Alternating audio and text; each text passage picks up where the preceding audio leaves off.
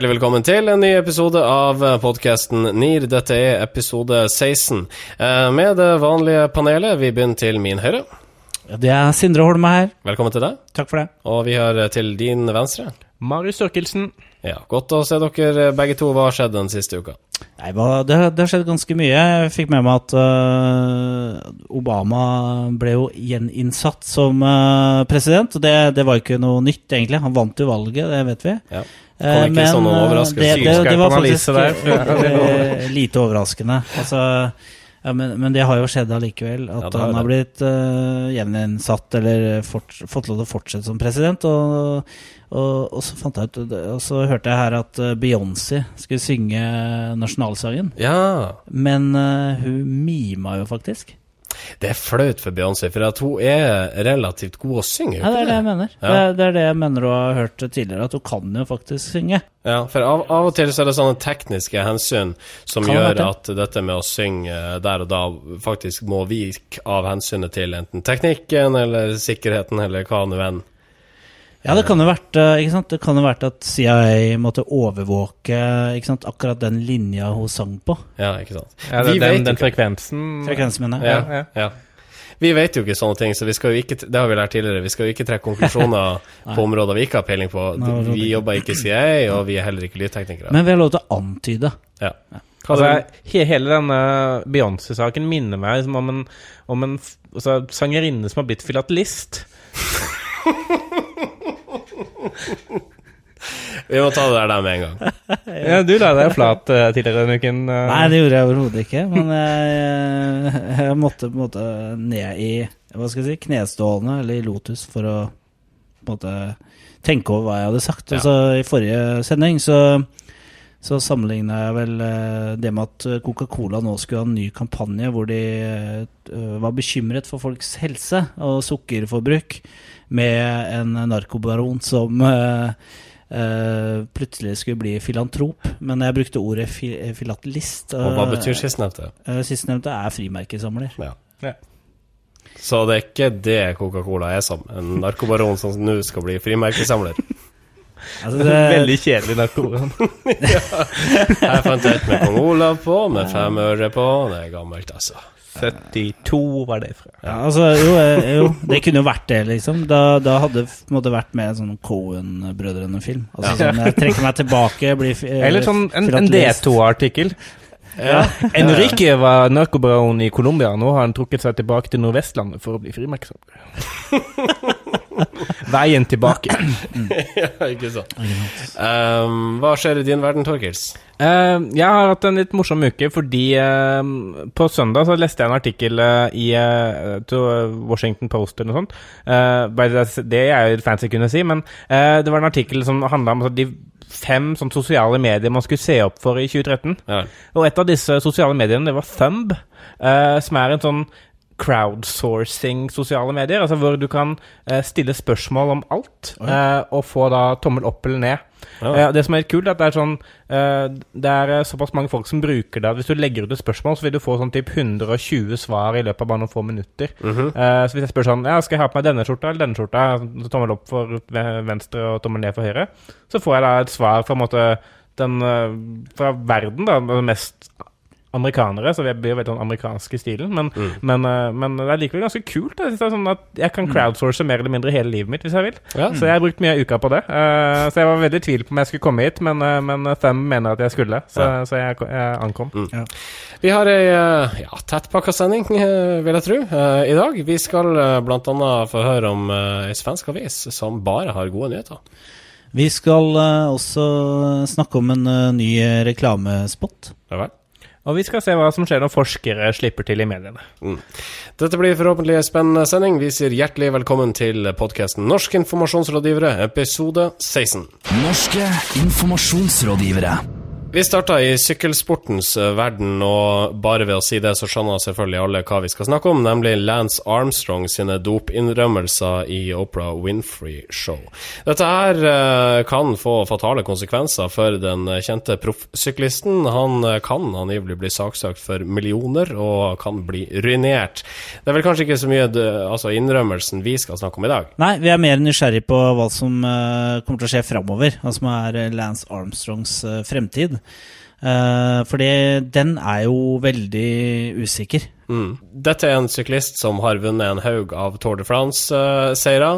Uh, uh, han har tjent selvfølgelig millions of bucks på dette her, og risikerer vel nå egentlig å gå blakk? Altså Det som er greia, er jo at han har innrømma å ha juksa egentlig halve livet. Ja. Altså, og han er jo en offentlig person, eh, kjent for å sykle fort. Eh, Uh, eller var jo det. Uh, men så sier han at uh, nei, det er bare bløff. Altså, jeg har tatt alle mulige dopingmidler jeg kan, som er å oppdrive, mm. for, å, for, å, lykkes på sykkelsetet. Så, så, på en måte, når han var på Opera, så, så fikk jeg en liksom følelse av at han, visst, han var liksom utenfor seg selv. Altså det var uvant for han å være i en sånn situasjon hvor han faktisk måtte fortelle hva, at han hadde juksa. For uh, her er jo en person som ikke har fortalt Antageligvis har han ikke fortalt dette til en eneste person.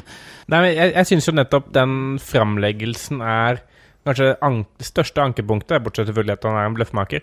Men for jeg syns uh, Jeg er enig i de kritikerne som sier at denne innrømmelsen var altfor kalkulert. Jeg syns det bar preg av at det var, uh, dette hadde han måttet gått gjennom gang på gang på gang på gang med en eller annen kommunikasjonsrådgiver.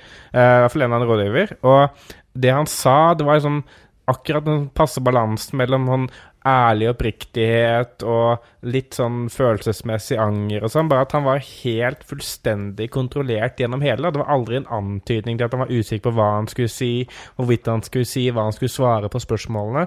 Og Det er et tegn på at du kan være overforberedt. da. Altså, hvis du måtte være for godt forberedt når du skal innrømme noe galt, så, så virker det bare beregnende. Så du kjøpte ikke den innrømmelsen han presenterte i Opera? Jo, altså, jeg, jeg, tror det han sa var sant, men, men hvis målet For jeg tenker at altså, Lance Armstrong er en person som gjennom hele livet så har han gjort det som har vært best for, en, for han selv. Altså, han har måttet tatt uh, ulovlige midler for å vinne, for det var det han mente var riktig å gjøre.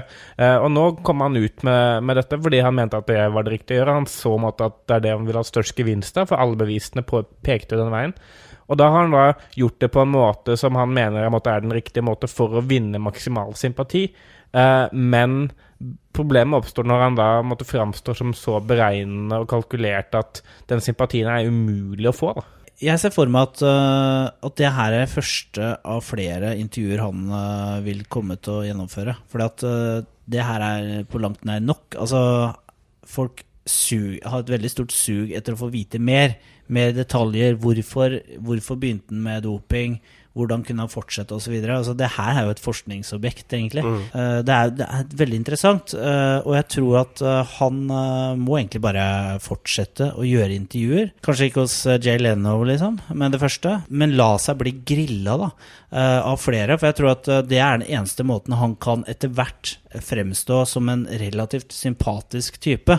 eller en person man kan forstå handlingene til. Mm. Så nå skal han rett og slett eh, benytte seg av det PR-bransjen i hvert fall sier de forfekter, åpenhet? Ja, ja, ikke sant? Med åpenhet som verktøy. Da. Eh, mm. Og det er jo, jeg, er ikke, jeg er ikke i tvil om at uh, Lance Armstrong kan vente seg et uh, liv i rampelyset fremover. Altså, og det er sannsynligvis litt etter litt i en mer og mer positiv måte. Om, om ti år så vil man kanskje se han i en sånn moderne versjon av 'Dancing with the Stars'. altså fordi altså, man har en tendens til å tilgi kjendiser hvis de bare er nok i rampelyset. Mm -hmm. Så ser fremtida til Lance lys ut? På en måte. Ja, jeg tviler ikke på at han lander eh, med begge beina på sykkelpedalene og suser inn i solnedgangen. Nei. Ja, Så kommer nok til å gjøre det til slutt. Helt klart. Tommel opp, da, eller? det er jo ikke bra. Nei, det er jo ikke det. Jeg skulle, ikke, jeg skulle ønske at det ikke var sånn, men ja. Da lar vi tommelen være, da. Langfinger. ja. La være. Norske informasjonsrådgivere. Da skal vi til Oslo lufthavn Gardermoen, der terminalbygget nå skal tapetseres med reklameplakater. Dette for å skaffe mer penger til Avinor. Dette liker ikke norske arkitekter, skriver VG. Nei. um, det er jo kommet fram nå at uh, Gardermoen de skal selge reklameplass på eh, brotårnene, som altså er, er de tårnene som går fra da, terminalen til flyene. Eh, og det er fordi eh, de har måttet ha muligheten til å selge eksponeringene og måtte ønske å ta inn de pengene. Eh, men eh, da Norske Arkitekters Norske Arkitekters Landsforbund de er mot dette her, eh, fordi de mener at eh, de ødelegger mye av måtte, design og arkitekturen som lå til grunn når man designet eh, Gardermoen flyplass. Og Dette er en interessant sak, syns jeg, for det viser litt sånn de motsetningene som ligger ofte mellom kommersielle interesser og kultur.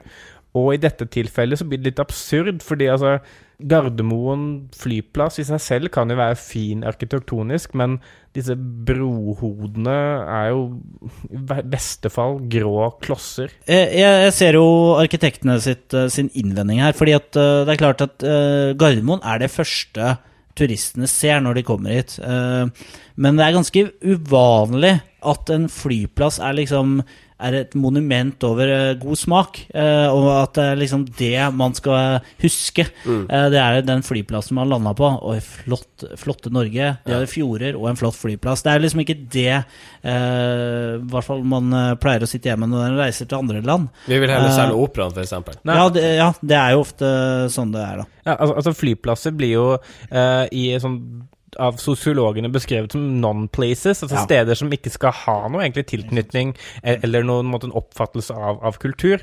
Eh, og nettopp det da at eh, Gardermoen på en måte skal være et uttrykk for norsk kultur, og det blir sånn det møter seg selv litt i døra, da, for det, det skal være et sted folk kommer til. Eh, men ikke for å være der, men for å dra derfra. Eller som drar, et sted man, folk drar fra fordi de ikke ønsker å være i det landet man er i. Det er ingen som henger på Gardermoen. Nei, altså, folk altså, vi- I den ideelle verden skulle man bare gått rett av flytoget og inn på et fly. Ja. Men flyplassen må være der av en eller annen grunn. da. Uh, at arkitektene hisser seg opp over det her, det er, eh, det er liksom Det er sånn Det er bare som forventa. Fordi at de har sett på Gardermoen som en sånn uh, Her kan vi endelig få vist smak. God smak. Og så er det ingen som setter pris på det, stakkars arkitektene. Nei, men og, og så er det jo sånn Det går litt hånd i hånd fordi uh, hvis man bygger noe som folk synes er fint, da, så betyr det plutselig at plassen der også blir mer attraktiv sånn kommersielt. Altså, det er sånn De møter Det er en sånn kanskje sånn Nesten et paradoks. Nesten et paradoks, fordi man måtte ønsker å skape noe fint og noe varig, slik at folk skal beundre det. Men nettopp det at da folk beundrer det, gjør at uh, det blir mer interessant kommersielt. Er dette her tommel ned for sure arkitekter? Ja, jeg vil si det. Nier. Da skal vi til Søta Bror eh, og til eh, magasinet Good News Magazine, som har hele 37 250 tilhengere på Facebook. Og det er en grunn til det. Hva er den grunnen? Jo, fordi de utelukkende skriver positive saker. Uansett. Uansett. Men altså, det er ikke sånn at de er, eh, er, på en måte hjernedøde, eh, på en måte, sånn at de klarer å vri hver, hver eneste tragedie om noe positivt. Men det skriver om positive ting som skjer i samfunnet. Okay. Og, og jeg, jeg syns jo faktisk det er litt viktig, da. Altså, vi har jo tidligere snakka om klimasaken, og det skjer jo Og, mange i miljøbevegelsen sier f.eks. at det skjer jo små bra ting. Altså at verden går i riktig retning på mange måter. Men det får jo ofte Det blir gjerne ikke formidla i nyhetsbildet. Men det er jo kanskje litt rart, tenker jeg, at media ikke har funnet ut per nå at, eller inntil nå, da, at gode nyheter kan være lønnsomt. Jo, men, men det henger jo sammen med at eh, medienes rolle er ikke bare å trykke nyheter som er lønnsomme. Da. Altså, hvis man skal være en vaktbikkje, som eh, mange journalister mener at de skal være, så må man jo også faktisk snakke om at det er sultkatastrofer i Tsjad og, og folkeopprør i Syria og gisselaksjoner i, eh, i Algerie. Eh, man kan ikke kun snakke om da gode ting, fordi, Men- fordi det gir et verdensbilde som Altså, vi er jo Vi har, vi har, har, den luksusen at hvis vi vil, så kan vi kun forholde oss til gode nyheter. Eh, men det er jo vårt, vår, vårt privilegie som vestlig nasjon. Eh, men for resten av verden så er ikke det Altså, det er ikke sånn det er, da. Men nå er det jo sånn at et av nyhetskriteriene er konflikt, og man ser jo gjerne det at det er nettopp konfliktene som kommer frem i mediene, ikke gladsakene. Det er ikke ofte vi hører at Ahus ikke har hatt ei ulykke i dag, eller at det som oftest går bare godt å bli operert på Ahus. Ja, og det det er nettopp det. Og det, derfor så er den ideen har jo vært Er jo egentlig helt i, oppe i dagen. Altså Det er jo rart ingen har tatt den ideen før. Eh, for du har ganske mange som vil si det. Altså Har de vært til behandling på et sykehus, så vil de aller fleste si at fa så fantastiske de sykepleierne var. Jeg, fikk, jeg fikk god mat, jeg ble tatt godt hånd om. De aller fleste sier jo det. Ja. Også på Ahus, tror jeg. Ja. Uh, så ja, Men det er helt gidder ikke VG å skrive om. Nei. Nei. Men altså, som, eh, som Good News Magazine skriver på nettsiden sin, da, eh, på svensk, så skriver de 'godhet føder godhet', og alle behøver innimellom å bli påminnet at det finnes gode krefter som måtte jobbe for å gjøre verden bedre. Eh, og det er nettopp så, sånn som du sier, da, altså, fordi det eksisterer medier som, som måtte ha konflikt som, som nyhetskriterier, så, er det, så er, finnes det et marked for noen som ikke har det. Jeg mener at hele forretningsideen er en god nyhet i seg selv. fordi at eh, det, jo, det hersker jo en ganske stor apati eh, rundt omkring knytta til f.eks. økonomiske krisen. Så man snakker om den eh, budsjettstupet i USA, så er det jo, det er jo bare nyanser av dårlige nyheter hele veien. Altså det er sånn Ja, det er jo ja, Det er ikke så ille som det kunne vært, men det er helt krise allikevel. Eh, og, det, og det å kunne finne små uh, ting som nyanserer det, det tror jeg Det er bra ting. Det er jo marked for, tydeligvis. Og så syns jeg det er kult med, med nyhet, medier som våger å ta et perspektiv da, i denne måte, eh, altså massemediene, hvor man ser at uh, i stadig større grad, i hvert fall i Norge, så spyr man bare ut direkte måtte, hendelser uten å egentlig kommentere eller måtte, bringe et perspektiv på det. Faktisk da tørre å ta et standpunkt og si at sånn ser vi verden, og sånn mener vi at disse nyhetene bør tolkes. Det gir meg noe som leser. Enten kan man være enig eller uenig i det, men, men det, er sånn, det er interessant da, som leser. Mm. Ok, uh, skal vi gi en tommel opp eller tommel ned for Good News Magazine i Sverige? Tommel opp. Jeg er kjempepositiv. Vi holder oss i Sverige. Vi skal til svensk televisjon. SVT, som nå er dømt til å betale en bot på 50 000 kroner etter at de har omtalt Zlatan Ibrahimovic i bok. Hvorfor det, Torkils?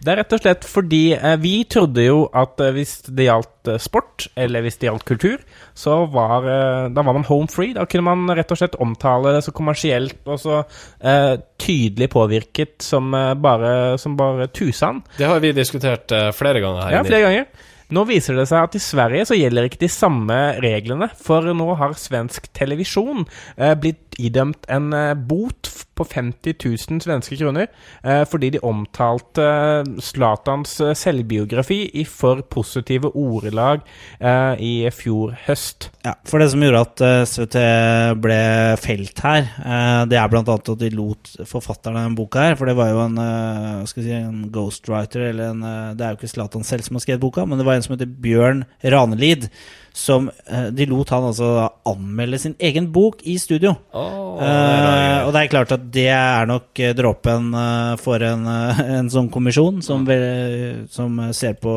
presseetikk osv.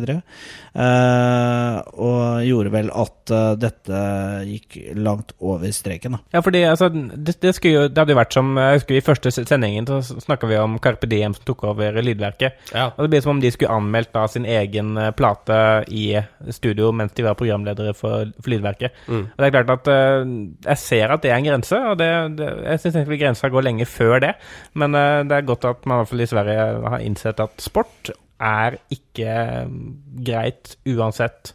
Jeg, jeg syns faktisk det er ekstra ille at det er en statlig TV-kanal. At det er liksom en public service-kanal ja, som gjør det. Jeg det. spørre om det, fordi Eh, jeg tenker eh, altså, Hvilke motiver kan SVT mulig ha bak å omtale ei bok av en idrettsstjerne i så positive ordelag som det de gjorde? da? Nei, Jeg tror ikke det er noen grunn til å være paranoid her. Jeg tror det er eh, rett og slett det vi var inne på. Det er sportsjournalistikk, og Zlatan har høy allmenninteresse, og det er jo det SVT forsvarer seg med. Eh, eh, du, når det gjelder kommersielle kanaler, så er jo gjerne Forbrukerrådet sånn litt på der, Da følger de godt med, da, på den type ting. Ja, for da kan man begynne å stille spørsmål ved har man fått betalt for dette her, har man fått betalt for det, altså det, å å omtale boka i positive årelag. Men, men, men så er det også det at altså, de, de ikke-kommersielle kanalene har en sånn form for public service-plikt, eh, hvor de opererer jo på en form for konsesjon. Og, og, det som har blitt sagt i dommen her, er jo at eh, lengden på innslaget eh, ikke samsvarer med den interessen som da eh, denne instansen som har dømt det, mener at eh, en type boklansering burde ha. Mm. Det burde egentlig ha eksistert en form for kalkulator der man kunne regne allmenninteresse opp mot sendetid. Ja, det virker nesten det er sånn, som, det, er sånn det er gjort. Og det, det stiller jo eh, SVT i en veldig sånn vanskelig posisjon. Da, for det er klart at Zlatan i Sverige har jo enorm interesse. Mm. Og at det har kommet en bok om han er også da interessant, eh, hvis den boken avslører noen ting. Men det er en måte det man da faktisk da knytter selve boken og produktet altfor tett opp til omtalen, og ikke omtaler liksom historien i boken, men omtaler boken som produkt. At, eh, at man er i et sånn trøblete farvann. Da. Mm. Ja, altså det, det er jo uh, interessant, syns jeg, at de har fått en bot. For jeg, jeg, ser ikke for meg at det kunne ha skjedd i Norge. Nå har det vært en debatt uh, bl.a. på kampanje.com om uh, PFU og den uh, slagkraften, eller manglende slagkraften, som PFU har. Og der har det også vært snakk om det, altså vært folk som har tatt til orde for at uh, mediehus bør kunne idømme store bøter hvis man uh, driter seg ut, driter seg ut eller liksom får, altså, volder uh, mye skade. Ja, Burde vi hatt noe sånt her i Norge? Ja, men spørsmålet er jo hvem som skal være i posisjon til å gi den boten. fordi at vi er så vant til pressens selvjustis at hvis noen skal gi den boten, så bør det være andre journalister og redaktører. Ja. Eh, og så forvandler man da så da eventuelt PFU til et juridisk organ. Da, mm. eh, og det, det er da er det plutselig en statlig institusjon, og det er plutselig at staten skal måtte gjøre seg til dommer over da hvilke medier som har lov til å trykke hva. Mm. Ja, da beveger man seg farlig nærme sensur på en eller annen måte. Da. Mm. Det er et problem. Ja. Tommel opp eller tommel ned for eh, SVTs omtale av Zlatan? Ja, tommel ned. ned. Ukas medieinnsalg. For en stund tilbake så lanserte Forbrukerrådet en egen app. Dette var en såkalt hormonapp. Brukerne får i denne appen muligheten til å skanne forskjellige hudpleieprodukter, og appen gir da beskjed hvorvidt det befinner seg hormonforstyrrende stoffer i disse skannede produktene eller ei. Eh, og tror du jaggu meg ikke Forbrukerrådet får ukas medieinnsalg denne uka? Jo, det stemmer. Eh, og det er fordi eh, pga. den appen da, så er det jo noen produkter som har falt veldig i antall omsatte varer. For det viser seg at de har fullt av hormonforstyrrende stoffer i kremene sine, f.eks. Som selvfølgelig ingen vil ha. Nei. Hormonforstyrrende stoffer. Altså. Nei. Så uh, en, en, av disse produsentene er jo A-krem. Uh, og de har gått til det skrittet å saksøke Forbrukerrådet for tapt fortjeneste. Uh, og grunnen til at vi gir Forbrukerrådet ukens medieinnsalg, er fordi de har tatt dette søksmålet og sagt at ok, dette skal vi kjempe imot, og vi skal faktisk gå ut i pressen med det. Mm. Hvis dette er en litt sånn bra ting å gjøre, fordi eh, det at de faktisk står for presseomtale på at vi saksøkt av en produsent som har opplevd sviktende salg, bygger opp under hele formålet med appen i utgangspunktet. Mm. Og det er, en sånn, det er en sånn proaktiv form for mediehåndtering som, som vi liker. Ja, det, Forbrukerrådet har sendt ut en uh, pressemelding uh, om at de blir saksøkt. Det er ganske uvanlig å gjøre. Mm. Det er jo noe man ofte har lyst til å ta bak uh, lukkede dører. Hvis sånt skjer, og man kaller inn alle rådgivere og shit, hva gjør vi nå? Men det de gjør, det er å informere om det. Og de er tydeligvis veldig godt forberedt på å ta den fighten her. For det er helt klart at den appen den er jo nyttig for folk. Jeg syns det er en veldig bra app. Men det er jo akkurat i sånne situasjoner som det her, hvor man ser hvor viktig den faktisk er. For det er jo forskjell på Det folk ikke tenker, da, det er at uh, det er faktisk sånn at en del ting som er lovlig, ikke nødvendigvis er bra for deg. Mm. Uh, og det er en nyanse her som Forbrukerrådet får ganske tydelig frem. da. Ja, det er, det er stoffer her som ikke er bra å smøre på barna dine. Uh, og det bør du vite. Men mm. ok, du har lov til å kjøpe det i butikken, men det er ikke bra. Det er selskapet Naturlig Valg AS som står bak uh, importen av denne såkalte A-kremen. Uh, men de hevder jo på sin side at det ikke finnes dokumentasjon på at stoffet metylparaben er hormonforstyrrende. Nei, og det er derfor sånn, men altså eh, Forbrukerrådet henviser til EUs eh, eh, undersøkelse av eh, disse, denne type stoffer på dyr, eh, hvor det viser at eh, måtte, den type stoffer er hormonforstyrrende på dyr, og derfor eh, så er også hele appen basert på det registeret til EU. Så det Forbrukerrådet sier, er ja, men ok, det har vi også opplyst om, så, så måtte vi hjelper forbrukeren til å ta en, en informert beslutning, og på den måten så har vi også stien vår litt sånn ren. Eh, og eh, jeg syns dette er litt smart eh, mediestrategisk, fordi uh, det er faktisk ingen som har snakket så mye om denne hormonsjekk-appen det siste halvåret. Uh, men eh, Forbrukerrådet så nå at plutselig har vi en aktualitetsknagg igjen, da. Fordi vi kan bruke hele denne saksøkelsen som en mulighet til å igjen snakke om hormonforstyrrende stoffer og løfte interessen til appen. Og de fikk jo omtale både på VG-nett og kampanje og mange større nettaviser. Og det er et smart grep, altså. Eh, til alle dere der ute som bruker hudkremer med metylparaben, så kan vi berolige dere med ordene fra Jan Alexander, assisterende direktør i Folkehelseinstituttet. Han sier det er trygt å bruke kremer inneholdende dette stoffet så lenge man holder seg innafor de såkalte grenseverdiene. Tommel opp eller tommel ned for Forbrukerrådets håndtering av dette søksmålet. Tommel opp. Forbrukerrådet kicker ass. Ja. Ass-kick. Ikke gjør dette. Ettbarnspolitikk kan redde miljøet, det mener professor Jørgen Randers. Eh, Randers er Norges eneste professor i klimastrategi. Nå kommer han med et radikalt forslag for å redde kloden fra den eh, såkalte klimakrisa. Folk bør ikke få mer enn ett barn, det kan vårt land melde. Ja, eh, Jørgen Randers er jo eh, kjent som en litt sånn kontroversiell figur innenfor eh, feltet. altså, han har jo tidligere vært ute og forsvart uh, Kina mye, Uh, i- og sagt at de har fått til mye, og, og f.eks. Uh, sagt ting som at at uh, i hvert fall som grenser til å bety at uh, totalitære regimer eller diktaturer kan få gjennomført mye mer enn enn- enn, eh, politikere i, i demokratier. Så han nå sier han at liksom ettbarnspolitikk, da Det er jo ikke et ord akkurat som klinger veldig godt i nordmenns flest sine ører, for det høres ut som tvang. Nei, det, det høres ut som ikke sant? Det, det vi forbinder med det, er jo sånn Ok, for at man må sette barn ut i skogen osv. Fordi man ikke har lov til å ha flere nettbarn. Så her erter jo Randers på seg mange folk innen andre felt. da. Mm, og møter også kritikk. Ja, altså, men det er, men det er et sånt, det er et sånt håpløst utspill fordi altså, teknisk sett så har han jo rett. Altså, vi kan ikke opprettholde samme livsstil eh, og forvente at kloden skal overleve. Og det er poenget hans, men så bruker han da ett pol- ettbarnspolitikken som eksempel, og da møter han jo kritikk fra bl.a. professor i menneskerettigheter Andreas Føllesdal, eh, som jo sier at ja, det vil aldri la seg gjennomføre i praksis. Han mener også at det ikke er bærekraftig. Eh, eh, og, og det er nettopp det at han da velger å måtte pakke inn måtte, klimabudskapet sitt i en sånn, sånn punchline, eller sånn ekkelt stikk til liksom, det etablerte. Da. Det gjør at måtte, han mister liksom, all gjennomslagskraft. Ja. Eh, Er kanskje det eneste positive jeg ser ved en ettbarnspolitikk, er måtte, at eh, annet vi, da, som jobber mye med employer branding, eh, vi vil få en veldig, et mye større marked, for det blir mye mindre arbeidstagere. Og da må vi måtte, hjelpe virksomheter med employer branding Ja. for å tiltrekke seg de riktige. ja, ikke sant. Så vi håper at dette her skjer. Jeg, jeg, jeg, jeg, jeg, Mulighetsorientert, jeg er eh, positiv, eh, jeg er løsningsorientert. Mm. Uh, dette er jo ikke gjør dette-spalta. Uh, hvem er det som ikke skal gjøre hva her? Jeg mener at mediene må være litt mer kritiske til hvem de slipper til med budskap. Altså, dette er jo litt sånn Altså, det, det er jo en fyr som vil ha oppmerksomhet, uh, og det er ingen uh, hensikt uh, Altså, det er nesten utrolig at han får lov til å fortsette å forske på BI etter å ha sagt noe sånt. Så mantraet her er 'ikke slipp professor Jørgen Randers til i media noen gang igjen'. Ja. Så ikke gjør det. Ikke gjør det. Ukas kudos. Ukas kudos den går til den svenske møbelvaregiganten Ikea. Hvorfor det, Marius Torkelsen?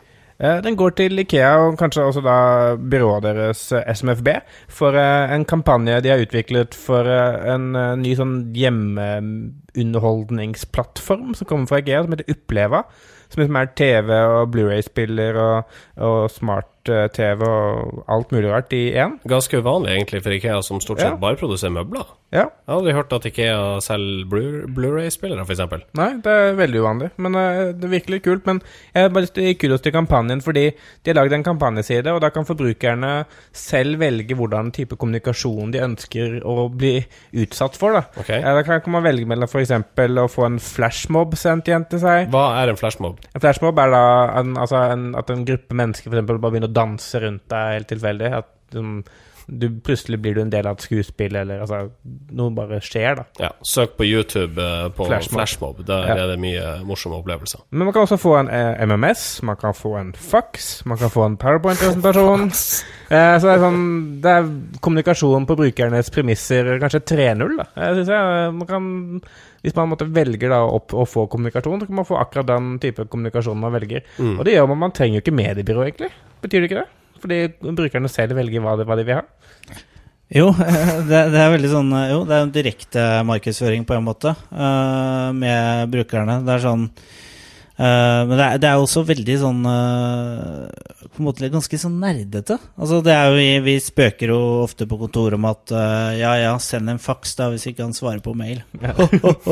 altså det er jo litt i den gata der. eh, så jeg må si det er jo det er også litt sånn eh, kudos for å ha tatt den her eh, bransjelingo, eller bransje... Hva skal jeg si. Bransjehumor. Bransjehumor Ja. litt på kornet. Eh, det blir spennende å se om, eh, om eh, folk forstår eh, humoren. Ja, ja, for det er egentlig godt poeng. Kanskje, bare det er vi som måtte jobbe med kommunikasjon som syns det er gøy, og alle andre tenker bare hvorfor skal jeg Da velger jeg ingenting, da.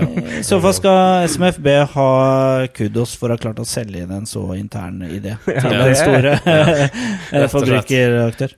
Eh, Kudos eh, for å underholde oss som driver med kommunikasjon i det vanlige. Ja, jeg synes det er det som er Via- formålet til, til reklame. Via eh, en av verdens største interiør... ja, leverandører. Ja, det er meget godt jobba. Men, men jeg er litt spent på om, om denne kampanjen vil underbygge seg noe mer. Da. Om, om de, vi kjører reklamefilmer som er sånn Hvordan kommunikasjon vil du ha? Gå inn på våre nettsider og bestem selv. Da, da har man egentlig da skutt seg selv i foten, for så vidt. Så Ja. det, nei. Så det er bra nå, men uh, ingen kan kopiere dette noensinne igjen. nei. Nei. Men vi står fortsatt på det med kudos, ikke sant? Ja, jeg syns det er kult. Norske informasjonsrådgivere. NIR nærmer seg slutten. Det ble dessverre ikke tid til å prate om eh, Egil Drillo Olsen, Sindre. Dessverre ikke. Den eh, røyk da i uh, søppelbøtta. Hva var det vi egentlig måtte- skulle snakke om der? Jo, fordi at jeg syns det er litt fascinerende at uh, en av Norges mest respekterte personer, uh, som, eh, som vel bør ha en ganske høy merke, eh, markedsføringsverdi, han eh, velger da, når han først skal eh, reklamere for noe, så eh, reklamerer han for eh, en sirkulasjonstrener eh, som selges av Enklere liv. Ja, riktig. Hvis vi hadde snakka om dette, hadde du gitt tommelen opp eller tommelen ned for Drillo? Hypotetisk tommel opp. Ja, jeg. Hypotetisk tommel opp. ok. Vi rakk heller ikke å snakke om uh, dine følgere på Twitter, uh, Marius. Nei, altså jeg, hvis det syns jeg har hørt litt sånn fraværende ut under denne sendinga, så er det fordi jeg fikk en mail uh, mens jeg satt og spilte inn om at jeg nå blir fulgt av Jonny Brenna på Twitter, altså eksbaneren i politiet. Ja. Og det gjør meg litt bekymra, rett og slett. ja, For det er ikke nødvendigvis slik at han følger deg fordi han er en fast NIR-lytter. Han har vel funnet ut at jeg har svin på skogen, sletter i skapet og grevling i taket, og det bekymrer meg. Ja. Jeg tror vi takker for oss der, jeg. Uh, mitt navn er Marius Stølen, Mitt navn er Sindre Holme. Mitt navn er Marius Torkelsen. og vi høres igjen om ei uke. Hei sann! Hei sann. Norske informasjonsrådgivere.